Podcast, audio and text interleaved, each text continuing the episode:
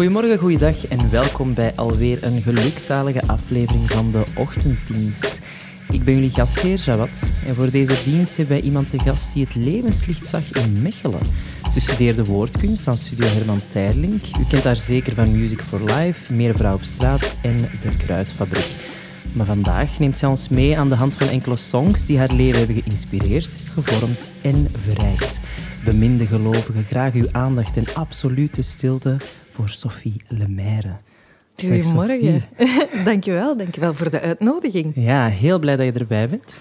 Ja, ik ook. Je bent een van onze muzikale volgelingen van, uh, van de ochtenddienst. Ja, zeg, amai. Ben je een brave muzikale volgeling of durf je soms van het pad te dwalen? Oh, ik durf zeker van het pad te dwalen. Ik denk dat ik meer van het pad dwaal dan wat anders. Dat zijn de beste soms, ja, hè? Ja. dat vind ik in de wereld van de muziek moet dat kunnen, hè? Ik vind dat ook, absoluut. Want muziek, wat betekent muziek voor u? Goh, heel veel. Muziek is voor mij um, vooral een soundtrack bij het leven. Of zo, zo gebruik ik muziek als een soort soundtrack bij het moment uh, waar ik me op dat moment uh, in bevind. Dat betekent ook dat er soms geen muziek is, want er zijn ook momenten in het leven dat het stil mag zijn. Um, maar ik gebruik muziek vooral om een gevoel dat ik heb ergens ja, geëchoed te horen of, uh, of om er ergens een soort, ja, ik weet niet, energie um, in kwijt te kunnen of zo. Ja. Dus muziek voor mij ja, is, kan zeer uh, wisselend zijn. Ik kan s'morgens uh, naar echt hard rock luisteren en s'avonds naar klassieke muziek en daartussen naar jazz. En, dus dat, dat loopt heel erg uiteen. Maar ik vond het ook heel poëtisch wat je zei over die stilte eigenlijk. Want muziek kan ook pas ontstaan als je weet wat stilte is. Mm -hmm. Dus, Mhm. uh, maar daar sowieso meer over. Maar uh, laat ons gewoon starten, want ja, je hebt een mooie selectie uh, van nummers voor ons gemaakt. En dan gaan we starten met Daft Punk is Playing at My House. Ja, LCD Sound System.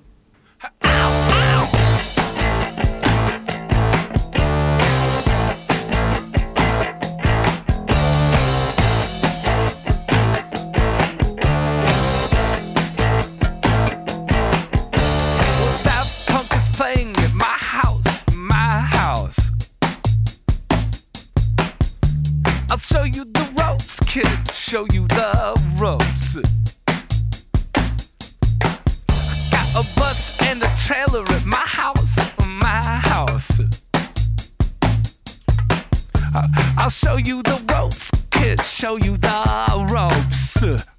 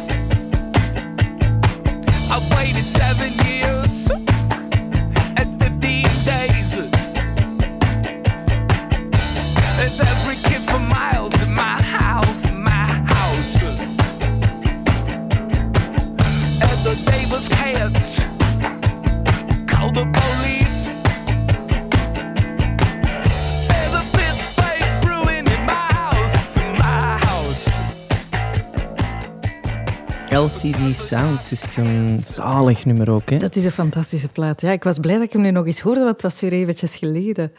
Worden dan teruggecatapulteerd? Of, of, uh, Ja. want- maar meerdere herinneringen waarschijnlijk, want deze nummer is ook wel ja, een, een, een bekend nummer geweest. Een nummer, Ja, eh, ja, een grote radiohit Ja, geweest. Hè? Ja, ja, absoluut. Voor mij is het onlosmakelijk verbonden eh, met mijn eerste dagen dat ik bij de radio werkte. En ik, ik was daar als stagiaire toegekomen. Bij Studio Brussel heb ik mijn stage gedaan. Weet je wanneer dat ongeveer nog was? Ik ben heel slecht in jaartallen. Baan, 2004 of zoiets. Ik Ik weet het niet. Kleine, dikke 15 jaar geleden dan of Zoiets, zo. ja. Ja. Ehm, en ik had daar een, een maand stage gedaan en ik wist meteen, ik, dit is wat ik wil doen. Mm. Dit is eh, het werk dat ik wil doen. Ik was op een bepaald moment, stond ik in de lift eh, met een man waarvan ik wist dat hij bij Studio Brussel werkte, maar ik wist niet echt wat hij er deed. Eh, en die vroeg van, ah, jij doet hier stage, zet je aan het amuseren? En ik zeg, ja, maar ja, ik ben me wel echt aan het amuseren. Ik hoop eh, dat er iemand mij vraagt om een proefprogramma te maken, want ik zou dat heel graag doen. En dat bleek de verantwoordelijke voor de proefprogramma's te zijn, het huidige nethoofd Jan van Biezen, ehm, die ik toen nog niet kende, eh, maar zo heb leren kennen. En die zei, ah ja, oké, dat is goed, jij wilt dat maken. Maakt jij een proefprogramma?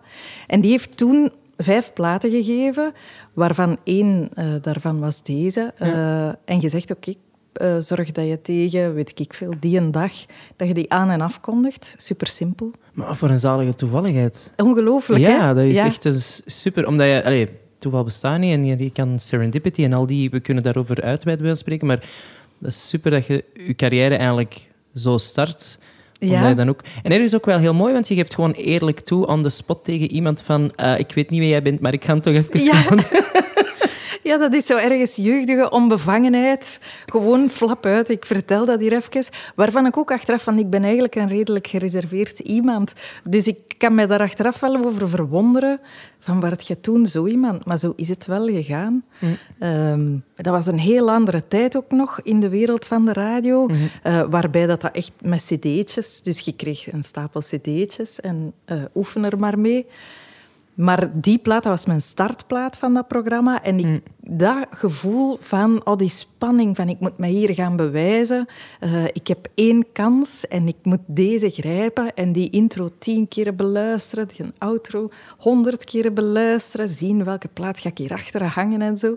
Ehm, en dat, ja, het heeft wel iets gedaan, want ik werk nog altijd bij de radio. Ja, en die proefopname, dan ik me dan afvraag, eh, was dat een soort ja, sprong in het ondiepen? Of, of was dat iets onmiddellijk dat je voelde van, ehm, oké, hier kan ik op verder bouwen? Of begon je daar eigenlijk met een heel onzeker hartje mee? Zeer onzeker wel. Wij hadden, dus ik heb woordkunst gestudeerd. Wij kregen wel radio eh, in die opleiding eh, van Chris Dussochois. En kregen wij ook echt ja, puur de, de basiskills aan en afkondigen. Eh, plaatje, praatje. Dus ik had dat al wel gedaan, maar je voelde heel snel toen ik die stage begon, dat tussen wat je leert op school en de praktijk, dat daar een gigantische wereld van verschil eh, zat. Dus ik, dat was voor, vooral van, kan ik die een afstand overbruggen op korte tijd tussen zo het academische plaatje, praatje, ehm, en hoe het echt moet klinken, hoe het authentiek moet zijn op de radio. Ehm, ik denk, als ik dat nu zou terughoren, dat ik dat tenen krullend slecht zou vinden. Maar Denk je dat we dat nog ergens zouden kunnen... Ja, waarschijnlijk is er wel een archief van. Geen, Of, geen idee. Geen idee. Dat is niet uitgezonden, hè, die proef. Dus dat, Hoe, heette dat was de, echt... hoe heette het programma toen? Ja, dat had eigenlijk geen, geen naam, denk ik. Het was gewoon eigenlijk voor te Zo zien hoe goed dat je... onbestemd, een Ja, oefening. eh, ja. zalig. Want een ander programma dan, meer naar, eh, naar het nu zal ik maar zeggen, meer vrouw op straat. Mhm. Grote fan. Ah, dank u. Ja, absoluut, absoluut. Alles wat meer vrouw is, ben ik groot fan van. Meer vrouw, meer kleur, dan ben ik al van voor met mijn vlaggetjes. Ja, ja, ja, Dus, eh, is dat ook een idee dat uit u is gekomen? Of is dat een soort... Ja? En. Eh, ik had de vraag gekregen om na te denken over een nieuw radioprogramma en een nieuw televisieprogramma. Dat was ondertussen enkele jaren geleden. Ik had net Culture Club gepresenteerd en dat programma was afgelopen. Ehm, en ik maak sowieso graag mijn eigen programma's, om- omdat ik wel het gevoel heb dat je dan beter presenteert, omdat, omdat je weet waarover het gaat, eh, wat het is, ehm, dat je moet presenteren. En ik, ik wist toen dat ik echt iets wilde maken eh, dat over iets ging, dat, dat, dat ergens een impact had. Ehm, en het tweede wat ik wist, was dat, dat ik iets wilde maken dat dicht bij mij lag. En nu ligt de vrouwenzaak mij nauw aan het hart, omdat ik een vrouw ben. Ehm, en dus ik wist dat ik daarover iets wilde maken. En dat, ja, op die manier ben ik daarover beginnen nadenken. Dan ineens eh, kwam het besef van hoe, hoe maak je dat tastbaar? Want ongelijkheid is iets dat heel vaak een, dat is een soort sluipend gif vaak, dat je moeilijk kan benoemen, moeilijk kan vastgrijpen. Dus heb ik lang de oefening gemaakt van hoe maak je ongelijkheid tastbaar of hoe kun je dat weergeven in dingen die we zien om ons heen. En zo is dan het idee gegroeid van we kunnen misschien aan de hand van straatnamen tonen van kijk eens, waar, wat, en dat is alleen straatnamen, dat is iets ogenschijnlijks banaals. Maar eh, alleen als je daar al naar kijkt, daarin kun je bijvoorbeeld ongelijkheid weerspiegeld zien. Ja, en ook wat ik daar sterk aan vond, is dat je het dan ook eh, een beetje ontmenselijkt. Mhm. Allee, tegelijkertijd hebben al die straatnamen wel een, een naam van een mens dikwijls, Mhm. of toch van, maar daardoor kan je daar ook beter afstand van doen. Want heel, die, heel dat gesprek rond ongelijkheid komt ook bij veel mensen gewoon heel hard binnen, omdat ofwel Mhm. ben je het slachtoffer van, ofwel hou je het mee in stand. Ja, Dus ja, je zit altijd zo aan de ene of de andere kant. ja. Ik vond dat een heel sterk programma, hoe je daar ja, heel laagdrempelig, want dat Ja. is ook belangrijk, want anders ga je mensen heel snel ja, ja. afschrikken. Dat wilde ik ook wel heel gr- graag, dat het laagdrempelig, eh, eh, laagdrempelig en toegankelijk was.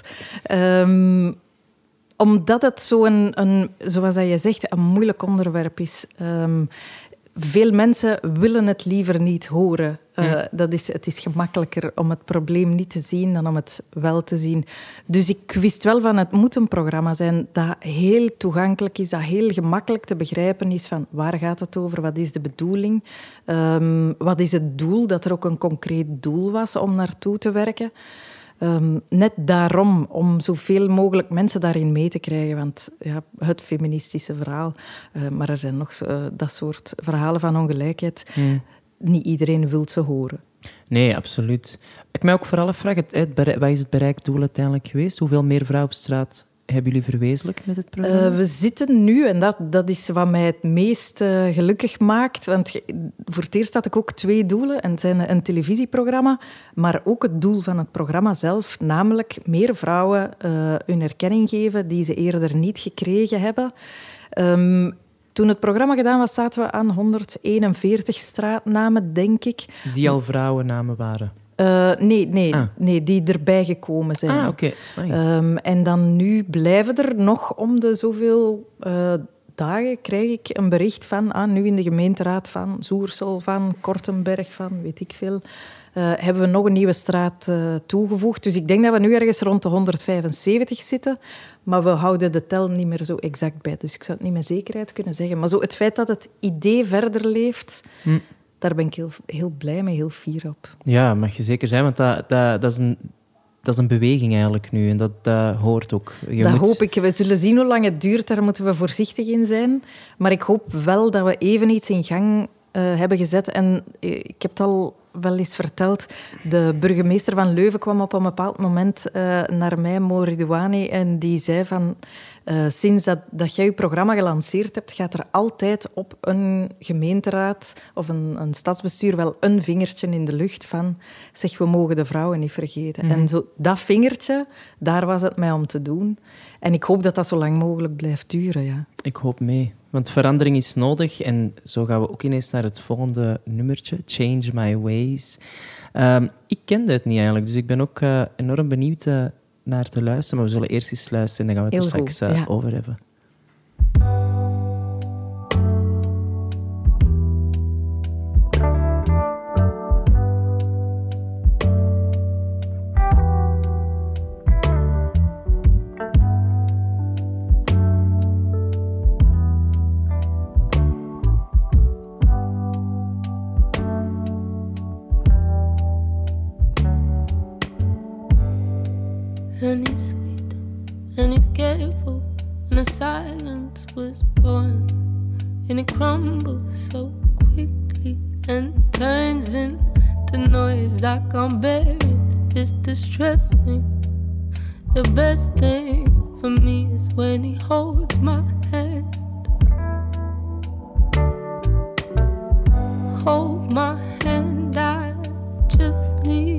A minute to compose myself, broke myself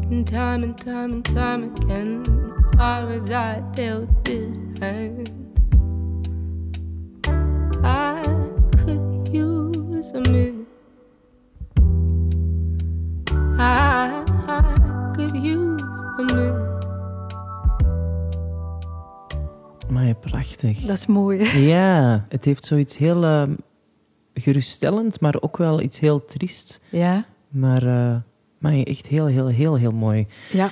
Ja, dank u wel daarvoor. Ja, nee. Eh, ik zou zeggen, dankjewel, God Street Park. Eh, Nee, dank u. En, en Pip Millet. ik had net hetzelfde toen ik het voor de eerste keer hoorde. Mm. Ehm, het zat plots in mijn playlist voor de radio. En vaak ja, luister ik dan snel functioneel Mm. om zo te zien, oké, waar, waar, waar gaat dit een plek krijgen in het programma? En dit was zo'n nummer dat ik zo direct voelde. Ehm, je hebt zo nummers die... Sommige nummers komen van buiten op je af. Dit was zo'n nummer, dat kwam precies van binnen. Eh, ik voelde dat helemaal. Ehm, dat is echt wat ik daarnet zei, hoe dat muziek zo een soundtrack kan zijn. Eh, ja, ik, ik vond dat zo'n prachtig nummer, dat zo hard... Ik heb zelfs nog niet naar de tekst geluisterd, maar ik voel van, dit is wat ik nu voel. En dat nummer vertolkt dat voor Ja. mij. Ehm, heel erg mooi. En het is zo in, in coronatijd een nummer dat ik sinds dat ik het de eerste keer heb gehoord, continu speel. En ik blijf het spelen.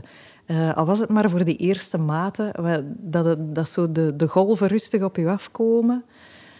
Ehm, ik vind het een fantastisch nummer. Ja. Ik heb in eh, corona heel veel muziek geluisterd. En dit is er één van die ik nog lang ga onthouden, denk ik. Je hebt ook gebruik van de stem en dan de combinatie van de instrumenten. Het- Allee, er is een bepaalde volheid in dat nummer, maar tegelijkertijd is het ook allemaal heel duidelijk. Er, Ja. Niemand komt in niemands vaarwater, dus er is een soort hele... Wordt een helder eh, geluid of zo op u afgevuurd, maar Ja, ja, tegelijkertijd... ehm, Dat waardeer ik ook in, in eh, Pip Millet, in, in de zang, is dat ze, dat, dat ze alleen maar doet wat nodig is. En niet er zwaar over gaat. Je, je hebt zo'n muzikanten die graag uitpakken met hun kunnen. Eh, ik heb graag als je het, dat je als luisteraar of kijker of in eender het wat, dat je het kunnen zelf kunt ontdekken, dat het u niet opgelegd wordt. eh. Want ook een voordeel van uw job natuurlijk, ja, muziek afspelen. Je krijgt heel veel muziek binnen. Je zit eigenlijk gewoon constant binnen onder muziek. Hoe kritisch word je op den duur? Omdat je natuurlijk zoveel muziek ter hande hebt natuurlijk. Merk je dat je kritischer bent geworden? Of ben je dan net gewoon bepaalde stijlen meer beginnen appreciëren? Goh, ik, eh, ik moet zeggen, ik kan heel veel verdragen. Eh, zelfs zeer lichte muziek of muziek waarvan ik denk, dit, dit voegt niks toe aan, aan, de, aan de muziekgeschiedenis of zo. Eh, wat, wat, wat vaak gebeurt, hè, bands die iets doen wat eigenlijk bands tien jaar geleden ook al deden. Dat maakt me eigenlijk allemaal niet zo heel veel uit. Eh, muziek kan soms op een bepaald moment in een bepaalde situatie heel welkom zijn. Eh, hoe complex die muziek dan ook is. of hoe... Ehm, dus ja, nee, ik sta voor heel veel open. Ehm, Ja, want dat zei je ook in het begin natuurlijk, omdat je ook een beetje afhankelijk van je stemming, allee, dat heb Mhm. ik toch, afhankelijk van je stemming, heb je bepaalde muziek nodig. Want soms moet je ehm, ja, uit een, een emotie geraken, soms wil je net die emotie misschien net iets dieper voelen. mhm. Dus ik denk dat inderdaad muziek, ja, ik zie dat meer ook als frequentie. Ja, ah, wel, frequentie is een goed woord, denk ik. En ja. frequentie die ook niet, ja, die kan zich niet anders voordoen of zo. Hier ook Mhm. bijvoorbeeld, je- op een of andere manier voelen we toch allemaal hetzelfde. De een kan het beter in woorden uitbrengen dan de ander natuurlijk. Mhm. Maar het is niet dat, dat, iets, het is niet dat iemand anders melancholie heeft gevoeld of zo. Want ja, nee, dat is niet wat de artiest Mhm. daarin heeft gestoken. ja, ja, ja, ja, ja. Dus dat vind ik bij muziek wel... eh, ja, toch wel... Ik wil zeggen, gasten, dat het transcendale, dat, allee, dat je... Mhm. Het, kan iets overstijgen eigenlijk. Heb ja, je dat ja, ja. bij dit nummer gehad tijdens de coronaperiode? Eh, ik, ja, ik denk het wel. Ehm, ja, dit is zo'n nummer dat... Ja, ik kan het zelfs niet goed onder woorden brengen, eh, daarnet ook al niet. Ehm, ja, je voelt het gewoon. Hè. Het, het is er en het, is, het klopt, het is juist, het past ehm, bij mij. Maar eh, toen ik naar u keek, terwijl je luisterde, denk ik, het past ook bij u. Ehm, het, ik, het is een...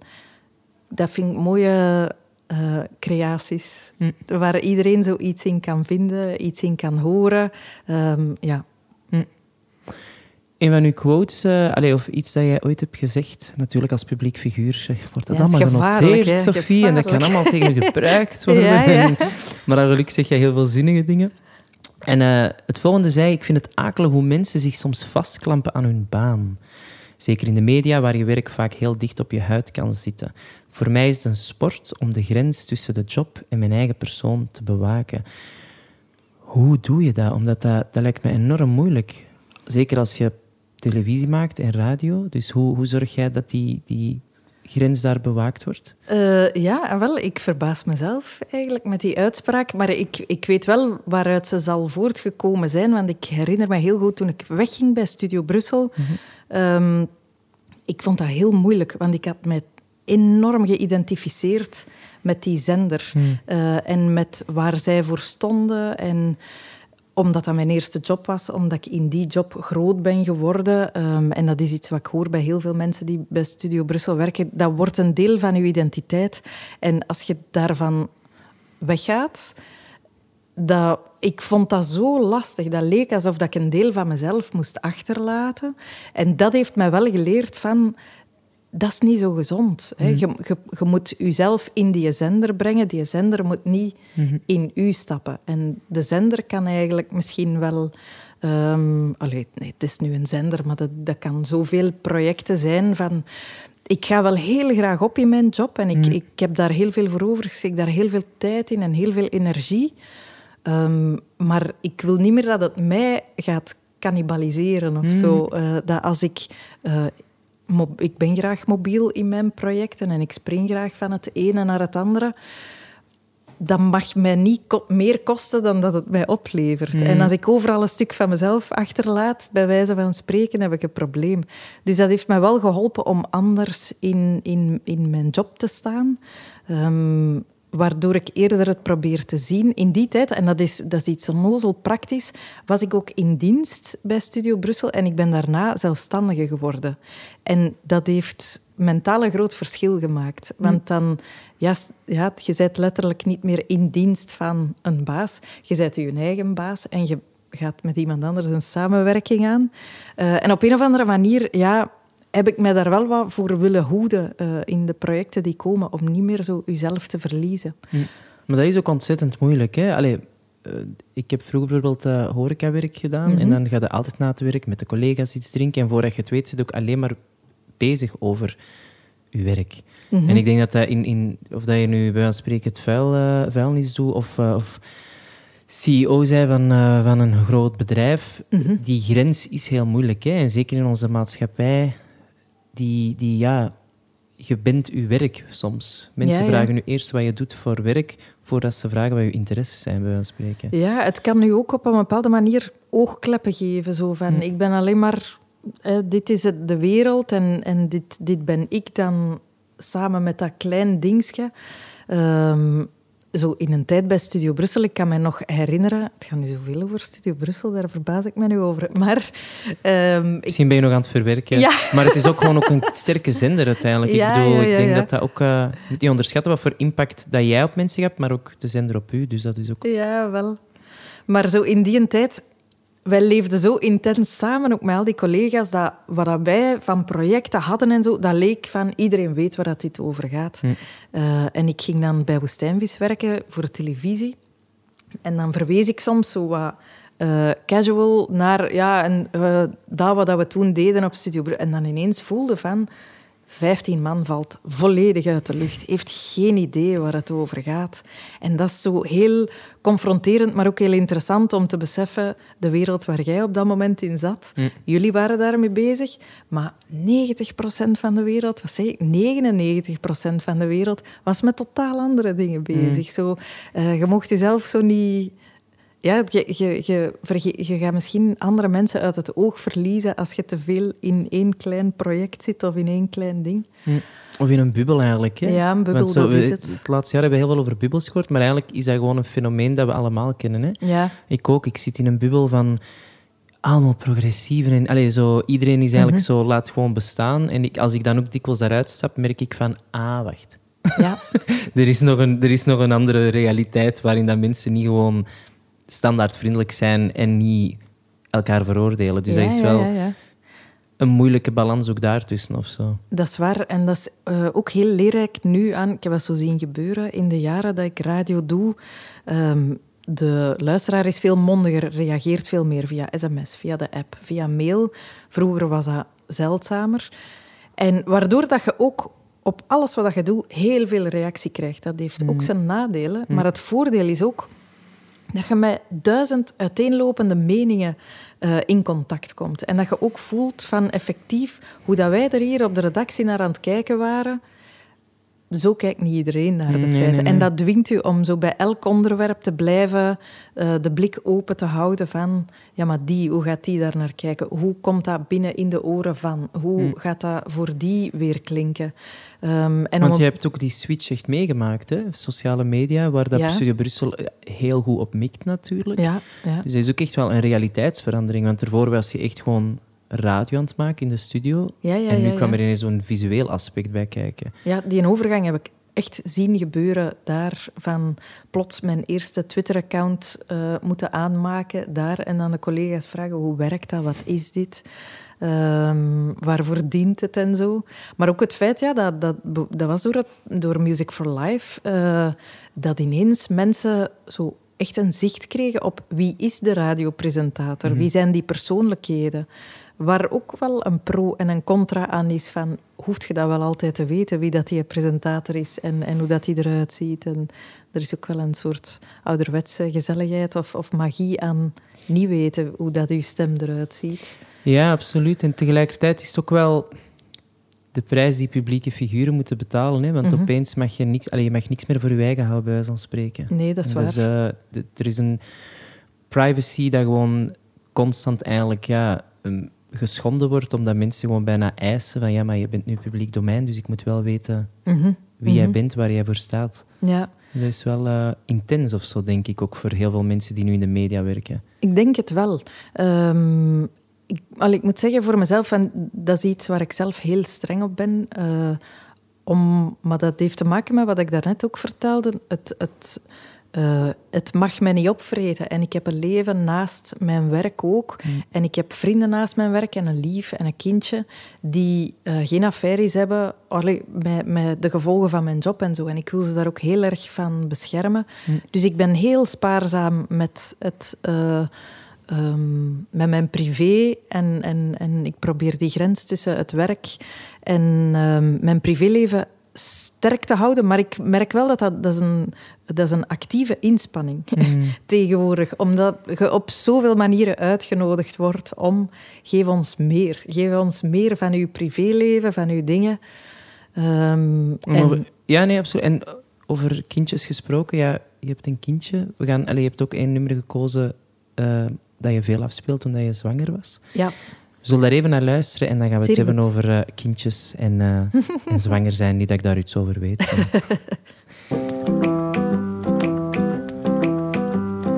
Gosto muito de te ver, leãozinho, caminhando sob o sol. Gosto muito de você,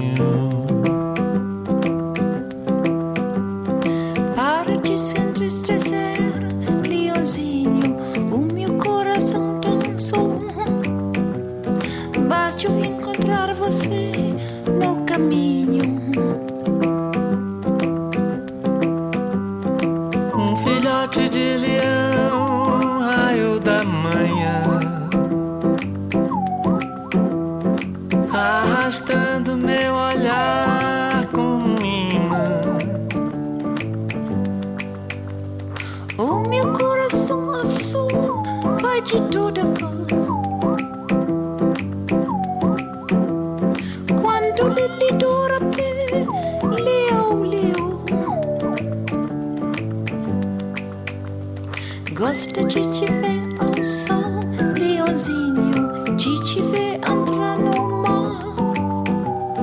Tua pele, tua luz, tua juba. Gosto de ficar ao sol, leãozinho, de molhar minha juba, de estar perto de você e entrar no mar. Gosto muito de te ver, leãozinho, caminhando sob o sol. Gosto muito de você, leãozinho. Para desentristecer, leãozinho. O meu Oliozinho.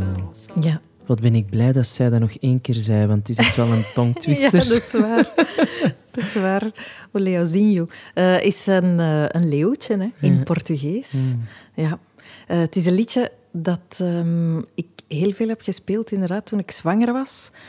Heel s- de, stommelings gekomen. Ik weet zelfs niet hoe dat we erop zijn gekomen. Maar hoe oud is uw zoontje nu? mijn zoontje is nu zeven. Mhm. Ehm, wordt acht dit jaar, zou ik er van hem moeten bijzeggen. Ehm, maar ik was zwanger en zo, wat je doet als je in verwachting bent van een kindje, je probeert, ja, je zit letterlijk in verwachting. Dus je probeert je daar van alles bij voor te stellen van wat gaat dat zijn? Wat gaat, allee, gewoon het leven met een kindje, maar ook wat voor iemand gaat dat kindje zijn?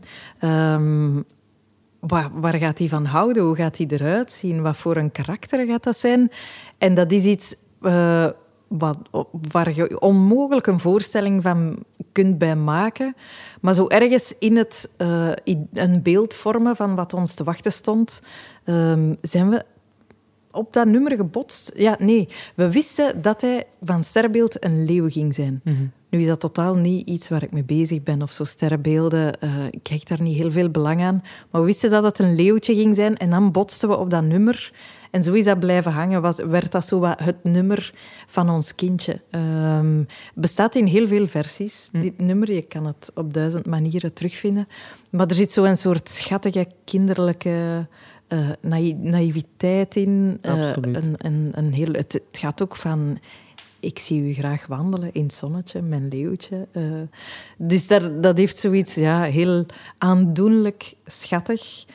En dat is een nummer dat ik stommelings heb ontdekt, maar dat ik wel blijf meedragen. En dat ik blijf af en toe ook nog eens opzetten. Wij gaan ook heel vaak naar Portugal op reis. Ik ben Portugees aan het leren nu. Ehm, en nu kan ik het nummer nog meer ap- appreciëren, want nu kan ik het zo wat mee oefenen door zo wat... blablabla. Ja, en ook als je in verwachting bent, is het eigenlijk negen maanden. Dat is een, ja, dat Dat is een lang. lange periode.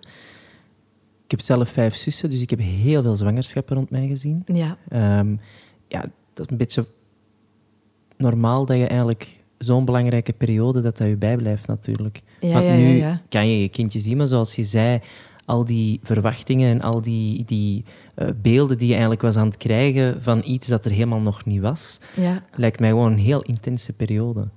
Ja, ik, eh, er, en er is echt een periode voor en er is een periode na.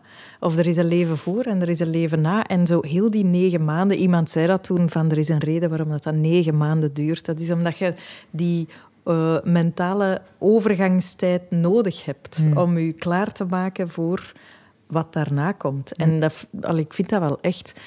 Ik kan mijn leven of, of mijn manier van in het leven staan niet vergelijken eh, sinds dat hij er is eh, met hoe het was ervoor. Ehm, op een goede manier. Hè. En was je klaar? Eh, nee, ik was eigenlijk niet klaar. nee, ik moet zeggen van niet. Ik heb dat heel... ehm, ik vond dat een gigantische aanpassing om, om plots... Maar dat had heel erg te maken natuurlijk met... Je hebt kindjes die geboren worden en die slapen en die zijn zoet en die eten goed en al wat je wilt. Eh, ik had het type baby dat niet goed at, dat niet goed sliep. Ehm, en komende van een leven waarin dat ik zoveel projecten had en zo druk bezig was en zo. En ineens besefte ik dat kindje werd geboren en alles kwam stil te staan. En ik besefte, ik moet alles stilleggen en nu in functie van hem verder gaan op zijn ritme, op zijn... En zo die... Ja, ik vond dat wel heel moeilijk. Ehm, ik heb dat toen op een soort eh, generatie-idee gestoken van onze generatie is niet klaar voor kinderen, maar dat is onzin, het ligt aan mij. Maar ik denk wel dat onze generatie eerlijk is over... Want nu wat je ook deed... Allee, ik wil u zeker niet eh, daarop wijzen of zo, maar je, je sprak eigenlijk goed dat je gewoon eerlijk zegt van... "Oh, ik was er niet klaar voor. Mhm. Eh, Ik bedoel, het is een... Het is een hele karwei, hè, lijkt mij, om een kind op te voeden. Want opeens Ja. ben je verantwoordelijkheid over zo'n klein wezentje Mhm. dat nog heel kwetsbaar is. Dus, ja, ja, eh, dus ik vind net dat onze generatie misschien daar net gewoon eerlijker over is. Van, oh, Zeker het wel. is niet makkelijk. Ja. Dus, En dat, ik vind dat ook wel een goede evolutie. Die, ehm, die evol- ja, die, ik vind die evolutie een goede evolutie. ja, nee, ik vind dat goed dat er meer openheid is, meer eerlijkheid. Ehm, je hebt ook mensen die daar tegen zijn. Hè, die zo van, oh, we- worden ons weer complex aangepraat. We moeten ons nu ook al zorgen maken over... eh, maar ik denk, nee, hoe meer openheid, hoe meer nuchterheid Ja. in dat soort zaken. absoluut. Zo dat idee van de roze wolk, dat is super tof als het u overkomt, maar het overkomt de meeste vrouwen niet. Eh, en die hebben er heel wat aan als je dat durft uit te spreken. hè. Ja, want opeens wordt ehm uw onvoorwaardelijke liefde in, in, in vraag gesteld. Terwijl Mhm. ik vind net, je houdt onvoorwaardelijk maar van iemand door net te zeggen van sorry, maar nu ben ik u gewoon even beu, bij wijze van spreken. Want ik Mhm. een kind, ik denk dat een van uw collega's daar ook heel open over is. Wel van een andere radiozender, ik ben haar naam nu even kwijt. Linde, Ja, dat is mijn beste vriendin. die Ja. daar ook heel eerlijk over is. Over gewoon, ja, weet je, het is niet happy, happy, joy, joy de hele tijd. Want op den duur worden zo'n Stepford wife die gewoon zo allemaal fantastisch vindt. Dus ik denk, Ja, ja. ik vind dat ook een, een mooie evolutie van die evolutie. Ja, ja, ja, ja, ja. Ja, het is ook die periode die mij, ehm, om dan terug te grijpen op meer vrouwen op straat, het is die periode die van mij een zeer sterk, een sterkere feministe heeft gemaakt. Eh, omdat het ook een, een, en dat was ook een worsteling voor mij, omdat je heel erg, vanaf dat je een, een kindje krijgt, als vrouw op je vrouw zijn wordt eh, aangesproken en bekeken. Eh, en, er zijn, en ineens voelt je de maatschappelijke verwachtingen die er zijn tegenover een vrouw. Ehm, waarvan dat ik heel erg aanvoelde van, maar dat, dat klopt niet, want zo zit ik niet, zo ben ik helemaal niet. Je voelt dat als het over zorgen en het knuffelen van het kindje gaat, dat de verzorgers in het ziekenhuis al direct naar de mama kijken, want de mama zal vast veel knuffelen. En terwijl ik denk, ja, of dat is misschien ook iets voor de papa om aan te leren. Het gezellig knuffelen met de... En hoe dat je die moet inpakken in een doek en inbakeren en wat is het allemaal. En als het ging over afspraken bij kind en gezin, dat ze direct zeggen, en wanneer gaat de mama komen naar kind en gezin? En dat je ook zo voelt van, is dat alleen een taak voor de mama? Is dat niet een taak ook voor de papa? Zo, eh, het, het zwangerschapsverlof, dat, dat voor een man maar twee weken is. En dat je als vrouw na twee weken ehm, alleen komt te staan en verwacht wordt door de maatschappij om het dan ook alleen aan te kunnen. Ik vond dat helemaal niet, niet kloppen. En, en, en heel wraakroepend. Van, er is een soort idee van wat ik moet kunnen en doen als vrouw, waar ik me niet bij aan kan aansluiten. Ehm, dus ja, daar... Ja. Ja, sorry dat ik je onderbreek. En ook zo een bepaalde ongelijkheid weer, die, die dan, Ja, denk ik, enorm wordt belicht. ja Die je dikwijls stilzwijgend toelaat of zo, bijna. ineens voelt je al, al die ja, maatschappelijke verwachtingen, zowel bij mijn lief als bij mij. Eh, want zo op een bepaald moment eh, herinner ik me nog goed op het werk. Onze zoon was ziek, is veel ziek geweest ook in die eerste twee jaar. Ehm, en mijn lief ging die dan gaan halen van de crash. En dan zeiden ze, oh, dat is wel een toffe papa dat hij dat doet. Dan dacht ik, dat is zo'n rare opmerking. Want als ik dat zou doen, zou iemand dan zeggen... Jij bent een toffe mama dat jij je kind van de crash gaat halen. Allee, dat, dat is zo... Ah ja, dat een vrouw zich opoffert, dat een vrouw de zorgende functie opneemt. Dat is zo'n soort evidentie. Als de man dat doet, bravo, medaille. Pas op, mijn lief verdient die medaille, hè, maar ik ook. Absoluut. En ook op dat vlak kunnen we nog heel veel leren van onze Scandinavische buren, omdat daar Mhm. ook wel... Ja, die zijn daar al iets verder in. Ehm, en ik denk dat wij ook dat gesprek hier gewoon moeten blijven voeren, natuurlijk. Ja. Want het is heel makkelijk om naar andere culturen te kijken en zien hoe slecht zij het doen, maar ik denk dat we vooral nog voor eigen deur eh, moeten keren. Absoluut. Ja, ja, ja, Zeker als het op vlak van gelijkheid komt, omdat we nog zelf echt een hele grote weg hebben te gaan. Ja, ja, ja, ja, ja. Dus, eh, Ja, ja, en niet alleen man-vrouw eh, ongelijkheid. Hè, want Ja, maar ik weet wel dat het veel daarbij start. Omdat we zitten echt wel in een heel hetero- heteronormatief kader. En, en dat, dat dwingt ons allemaal om in iets te bewegen waar dat wij eigenlijk, als we gaan zo erbij stilstaan, allemaal zeggen van, oh, maar deze voelt gewoon echt niet lekker. Mhm. Je, dus we zitten wij hier allemaal zo te proberen zo... Te wringen. Ja, ik zie dat bij heel veel hetero-koppels, vrienden bij mij, dat die ook zo dikwijls naar mij, mijn vriend, kijken en zoiets hebben van... "Oh," omdat bij ons is dat gewoon allemaal fluïde. Weet je? Soms ben ik meer eh, de leider, soms is... Snap je? Al die eigenschappen zijn gewoon menselijke eigenschappen. En dat is niet uitsluitend voor een man of uitsluitend voor een vrouw. Nee, nee, dat is heel... eh, dat gezegd zijnde... Ehm, ja, ik wil u enorm bedanken voor hier eh, bij ons... eh, Nee, het was met plezier was aan mijn kant. Ah, super. We gaan afsluiten met mijn laatste nummertje. We gaan afsluiten met Moondance. Ah ja, heel En, goed. ja. Heel, heel kort. Waarom Moondance? Ultra kort. Dat is eh, een plaat die vroeger thuis op stond. Paul Weller, eh, eh, Van Morrison, sorry. Ehm, Van Morrison stond thuis heel vaak op samen met Paul Weller. Daarmee haal ik ze door elkaar. Ehm, en dus als ik dat hoor, dan heb ik direct een soort instant rustgevoel. Zo warme, zoete herinneringen van zitten in de zetel en meeluisteren naar de muziek die mijn ouders oplegden. Dan gaan wij met die herinneringen Moondance beluisteren.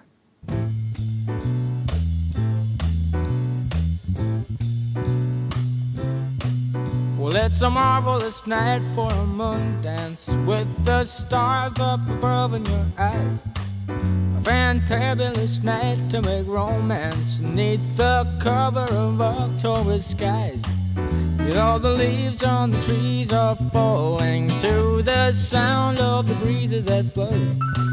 You know, I'm trying to please to the calling of your heartstrings that play soft and low.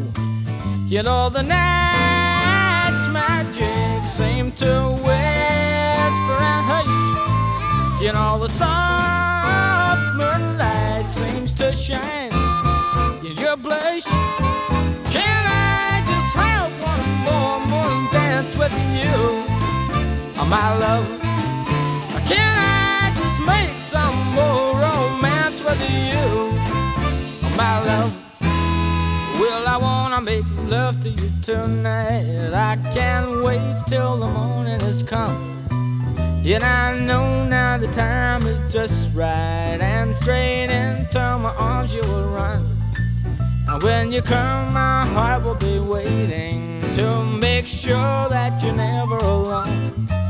There and then all my dreams will come true, dear. There and then I will make you my own. And every time You, you just tremble inside. Then I know how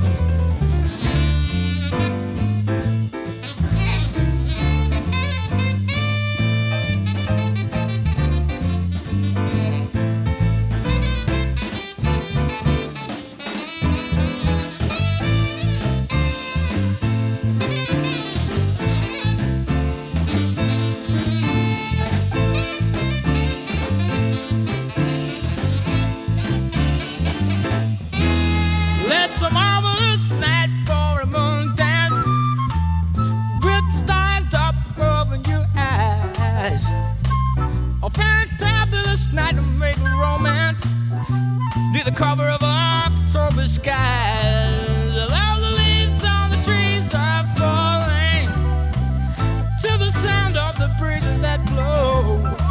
And I'm trying to place to the calling of your heartstrings that play soft and low.